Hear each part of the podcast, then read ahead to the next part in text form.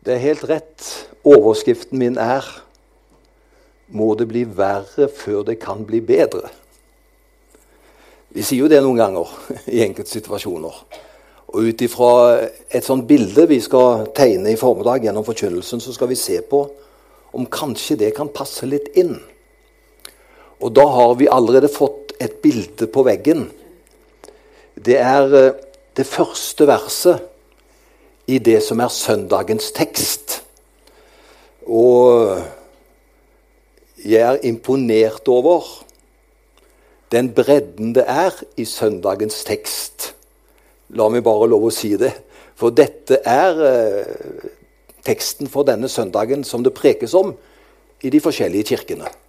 Jeg har ikke gjort det på mange mange år, men denne våren så har jeg tenkt å tale over søndagens tekst ifølge kirkeåret. Og dette er altså teksten. Og vi kan vi ikke lese den sammen, for det er bare noen få vers vi leser. Om noen da sier til dere Se, her er Messias, eller Se, der er han, så tro det ikke. For falske Messiaser og falske profeter skal stå fram og gjøre tegn og under for om mulig å føre de utvalgte vill. Vær på vakt. Jeg har sagt dere alt på forhånd. Men i de dager, etter denne trengselstiden, skal solen bli formørket, og månen miste sitt lys. Stjernene skal falle fra himmelen, og himmelrommets krefter skal rokkes. Da skal de se menneskesønnen komme i skyene med stor makt og herlighet.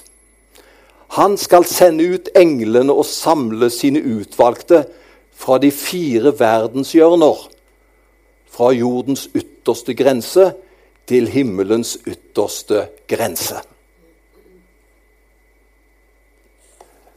Det er jo en spennende tekst. Et scenario som Jesus beskriver, som vil finne sted eh, når det nærmer seg at han skal komme igjen. Jesus han var fullstendig klar over at når man kom til avslutningen av vår tidshusholdning, eh, så ville det fremstå ulike retninger og ulike personer. Eh, og Han kaller de for falske Kristuser og falske profeter. Det må være noe ekte før det kan være noe falskt. Og så finnes det ekte forkynnere og vitner som står på. Men i en tid hvor noe er ekte, så vil det oppstå, oppstå noe som ligner på det ekte, men allikevel så er det falskt. Og disse som skal være falske Kristuser og falske profeter, de vil gjøre undergjerninger, og de vil føre mange mennesker vill. Og nå vil jeg bare si noe. For meg så duger det ikke at det skjer under og tegn. For det kan det skje i de mest rare sammenhenger. Det er ikke noe tegn at det et eller annet skjer som er utenfor det sanselige. For det kan skje i mange settinger. Så det er ikke et grunnlag om ting er ekte eller ikke. For Jesus han sier rett ut det skal komme mange. Og de skal gjøre ting som er like sterke som de som gjør de rette tingene, gjør. Så du kan ikke skille det på på en måte undergjerninger, men du skiller det på andre kriterier. Og så har jeg da innledningsvis tre, minst tre årsaker til falskhet. Det vi kan kalle for kjetteri. Tre, det finnes flere, men jeg skal nevne tre av de som kan summeres som er minst årsaker som gjør at det blir falskt. Den første grunnen er at det lages en lære som passer inn i tiden. I den fjernes den ekte Gud. For dersom Gud finnes, vil det være verst for de som har en sånn en dårlig variant. De vil bli avslørt, ikke sant? Disse som har den læren som passer inn i tiden, de har en lære som klør folket i øret. Altså, det er hele tiden søt musikk. Tenk å få høre dette fantastiske her. En lære som klør folk i øret. For disse er nåden fjernet fra sannheten. Du skjønner, Du har sikkert hørt meg, meg mange ganger si at jeg er så begeistra for nåden. Jeg er helt avhengig av den. Uten Guds nåde så ramler jeg helt igjennom.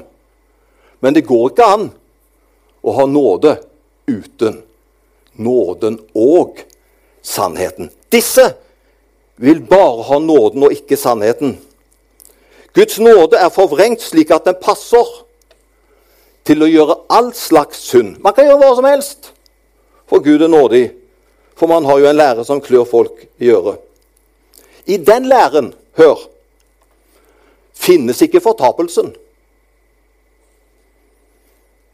Og heller ikke læren om Jesu annet komme. Fordi den læren passer jo ikke inn. Og det gjør de i så fall ubehagelig for de som går inn for dette. Det passer ikke inn i deres mønster og i deres bilde. Så jeg vil bare si det som en liksom det, Hvis du får høre at folk sier at det finnes ikke lenger noen fortapelse, så rygg unna. Da har man en forkynnelse som vil klø folk i øret. Men det er ikke tuftet på Bibelen. Da har man iallfall ikke lest der. Det er jo greit da hvis man vil holde seg unna Bibelen. Men hvis man ønsker å være troverdig i forhold til Bibelen, så finnes det men jeg vil gjerne si det dessverre, men det finnes en fortapelse. Den andre grunnen til at man lærer feil, og som fører feil av sted, det er at man Og denne er litt nærmere den jeg sier nå. Det at man vektlegger veldig sterkt bare én side av Gud. Og du skjønner, Vi har jo sagt i andre sammenhenger alt som blir overdrevet, kan bli det bestes eh, fiende. Altså, det Overdrivelser er aldri bra. Eh, det er noen som sier vet du, at de eneste, gang, eneste gangen de er midt på veien, det er når de går fra en grøft til den andre. Da er de en kort øyeblikk midt på veien, men de er på vei til den andre grøfta. Altså, det er viktig at man er balansert, og at det er sammenheng. Og nå skal du høre Hvis gudsbildet vårt er at vi bare tenker på Guds hellighet Da vil man ha vanskeligheter for å få kontakt med Han. For hvem er jeg, da? Hvis Gud er bare hellig og ikke noe annet, da klarer ikke jeg, for å holde meg til det du sa, hvor man kan feile. Da har jo jeg veldig problemer med en Gud som bare er hellig, og ikke noe annet. Og Det er noen mennesker som bare fokuserer Gud som Gud som den hellige. Men det blir farlig hvis man tar bare én side ut av Gud og ikke har de andre sidene med. Så hvis Guds hellighet er bare det som er Gud, da blir det feil. Og en slik Gud vil fjerne seg fra denne verden, for det er ingen i denne verden som har noen sjanse til å komme slik som de er, til Han. En annen side av Guds Gud er jo sånt, men hvis det blir bare den siden, så blir det feil. Det er Guds rettferdighet. Ja, det kan resultere at vi får virkelig frykt for Gud. For vi vil føle oss knuget og jaget.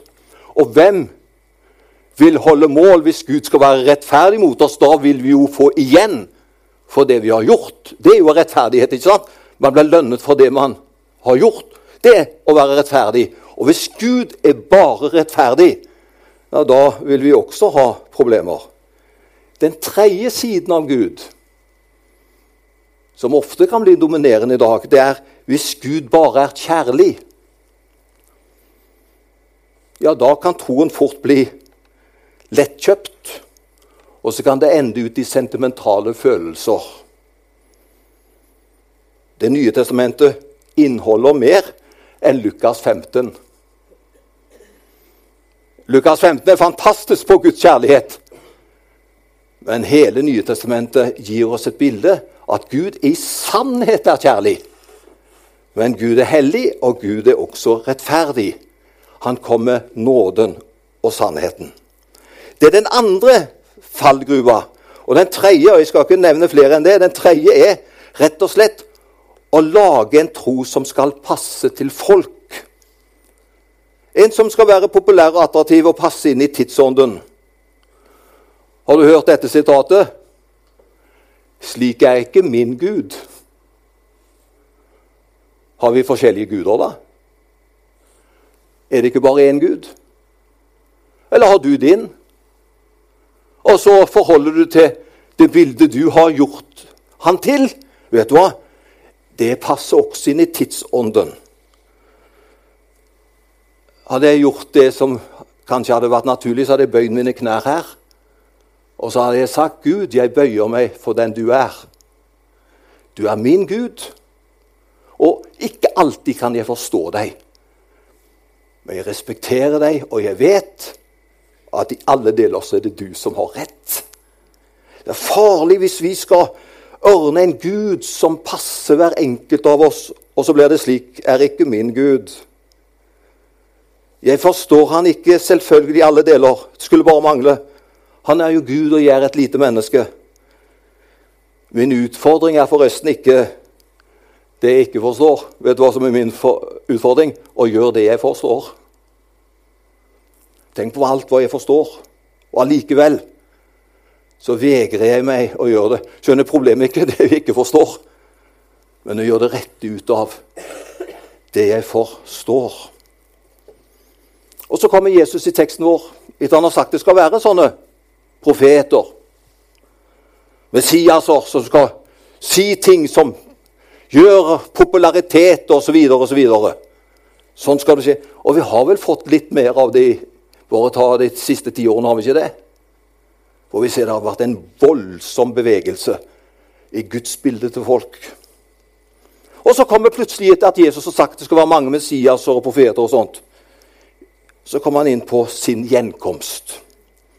Og så sier han han skal komme tilbake. I min barndom og ungdom så var det mye forkynnelse av Jesu gjenkomst. Det jeg vokste opp med. Det var en dramatisk forkynnelse.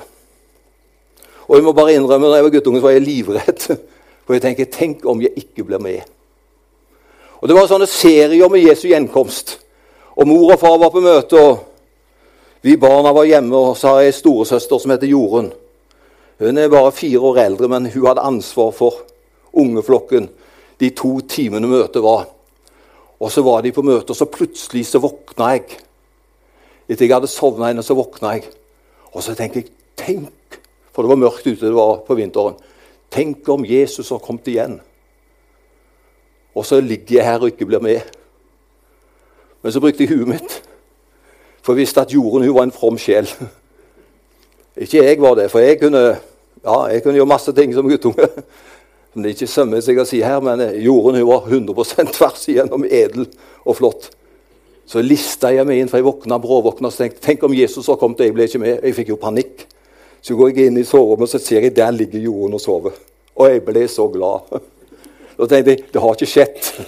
For Jorunn hadde blitt med, og hun er jo her. Det var den beste alibien for at ikke Jesus var kommet igjen. Du vet, Det går an å forkynne et så fantastisk emne og tema på en slik måte at det kan skape frykt. Man kan bli redd. Og det er jo ikke meningen at det at Jesus skal komme igjen, skal skape redsel og frykt hos oss. Nei, tvert om. Det skal jo være noe positivt. Når Jesus sier at han skal komme igjen, så er det egentlig et gledesbudskap. Det er jo noe som virkelig skal si 'Tenk at jeg skal få møte Jesus, min favoritt!' skal jeg snart få møte. Det er jo ingenting som kan trumfe det. Det er jo fantastisk. Slik bør det være. Man skal ikke skremme hverandre med at Jesus kommer igjen. Det er en glede. Og så vil jeg bare si ingen vet når han kommer tilbake. La oss aldri prøve å tidfeste det. Og En kjent predikant jeg skal ikke nevne navnet, en kjent predikant som jeg leste om bare for tre dager siden, han sa at han trodde Jesus kom igjen innen fem til ti år. Kan jeg få lov å si noe? Jeg tror ikke på det. Men han får lov å tro det. Han får lov til å mene det. Men alle de som har prøvd å tidfeste at Jesus kommer igjen innenfor et år Alle Jeg understreker alle har tatt feil. For det har jo enda ikke skjedd. Så Derfor er det farlig hvis vi prøver å tidfeste når Jesus skal komme igjen. Da går vi jo lenger, for Jesus selv vet ikke engang. Du har sikkert lest det at de spør Jesus om det, og så sier Jesus 'Jeg vet ikke når det skjer'. Så sier han 'Det er bare min far i himmelen som vet'. Når jeg skal sendes tilbake for å hente hjem mine. Så vi kan ikke spørre Jesus engang, for han vet ikke. Det er bare Gud som vet den dagen når dette skal skje. Men det som er en sannhet, er Jesus skal en gang komme igjen. Og Her i dette avsnittet taler han om sin gjenkomst. Og så sier han i den forbindelse det skal bli trengsel på vår jord. Det skal være krig, trusler om krig, pest, hungersnød, jordskjelv. Og så sier han himmelens krefter skal rokkes, og verden skal gå i oppløsning. Det er egentlig et scenario. Derfor spør jeg må det bli verre. For dette er noe som ikke vi opplever i dag. Men vi vet ikke når det skjer. Det kan være lenge ting. Det kan være ikke så lenge til. En dag vil det iallfall skje, for Jesus sier han skal komme igjen. Vi har levd to år under en verdensvid pandemi. Vi har bak oss to år med dramatiske tider. Og Jeg skal ikke komme inn på det, men jeg vil bare stille det spørsmålet til oss. Hva tror vi at Gud vil si til oss gjennom de to siste årene som vi har hatt? Går det ikke an å tilnærme seg på den måten? Hva vil Gud si til oss gjennom de siste to årene som så dramatisk ikke har rammet Nord-Norge? eller ei lita øy i Stillehavet. Men det er noe som har rammet en hel verden. Og hele verden har måttet tatt hensyn til det som har skjedd. Hva vil si, Gud si til oss?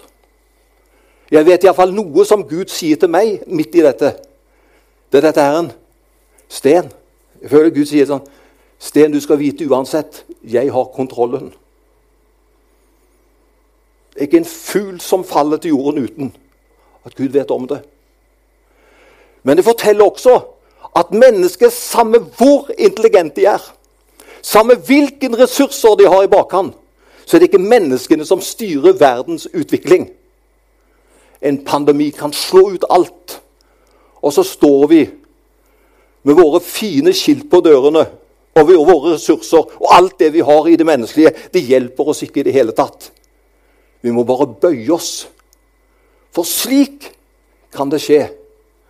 Og så må det vel si oss at det gjelder at vi har vår trygghet på rett sted. Tenk om vår trygghet da er i mennesker. Vår trygghet er i det ene og det andre. Da kan det være slitsomt. Men midt i stormen så må vår trygghet være jeg vet på hvem jeg tror. Og jeg vet han har all makt, og han er nær, og han vet om alt som skal skje.